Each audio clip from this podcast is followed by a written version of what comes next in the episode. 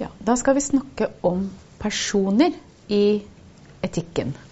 Og hva slags hensyn til personer er det vi må ta når vi forsker? Forskningsetikkens utgangspunkt er menneskeverd. Og det er viktig å tenke på, fordi personvern det er først og fremst vern av personopplysninger.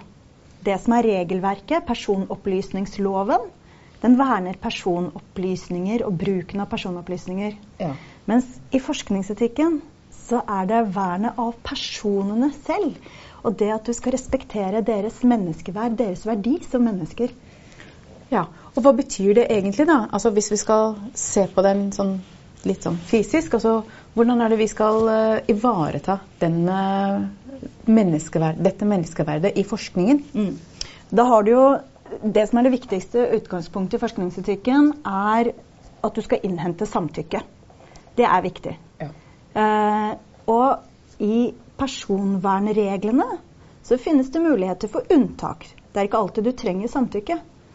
Men forskningsetikken sier likevel tenk gjennom er det likevel mest ansvarlig, selv om loven sier at du slipper samtykke, er det likevel mest ansvarlig av deg som forsker å spørre deltakerne om de har lyst til å delta i forskningen din.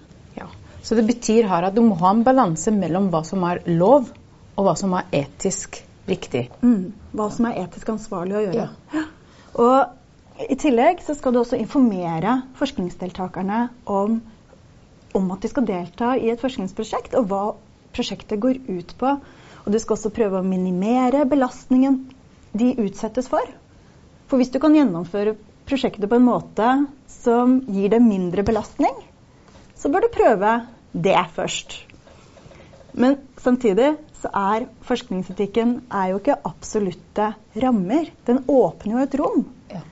Så forskningsetikk åpner også rom for at du kan ha skjult observasjon hvis det er det mest ansvarlige. Hvis det er den eneste måten du kan få gjennomført prosjektet på, og gevinsten du får av forskningen er veldig høy, veldig stor, så kan skjult observasjon være greit. Da er det en balanse mellom verdien av det du finner ut, kontra mennesket og hva, belast, hva slags belastning mennesket får. Mm. Eh, eh, og da er det vi som forskere, da, eller studentene, som skal være ans ansvarlige for å unngå at eh, informantene blir skadet av vår forskning. Mm. Og Derfor har man disse kravene her om konfidensialitet, altså taushetsplikt.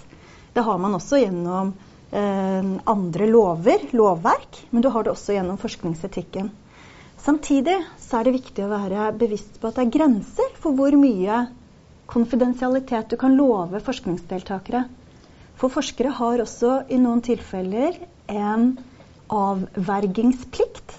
Det står i straffeloven. Ja.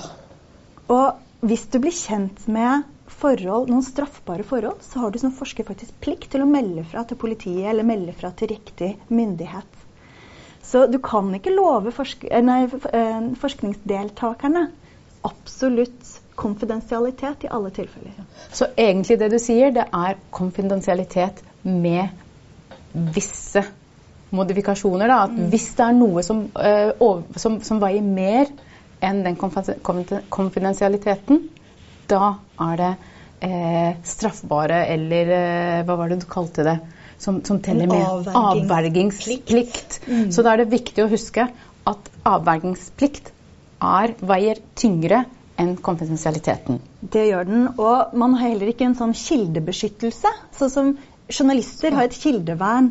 Men forskere har ikke det. Så de kan bli pålagt i en rettssak å forklare seg om kildene for forskningen sin. Ja.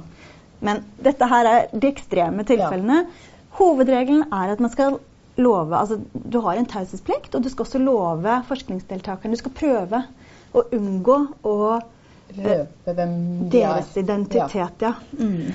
Så hvis vi skal huske en sånn hovedregel da, når det gjelder da, å ta hensyn til personer, så er det, det er viktig at forskeren tar hensyn både til eh, jussen, men også til etikken. Stemmer det? Mm. Ja.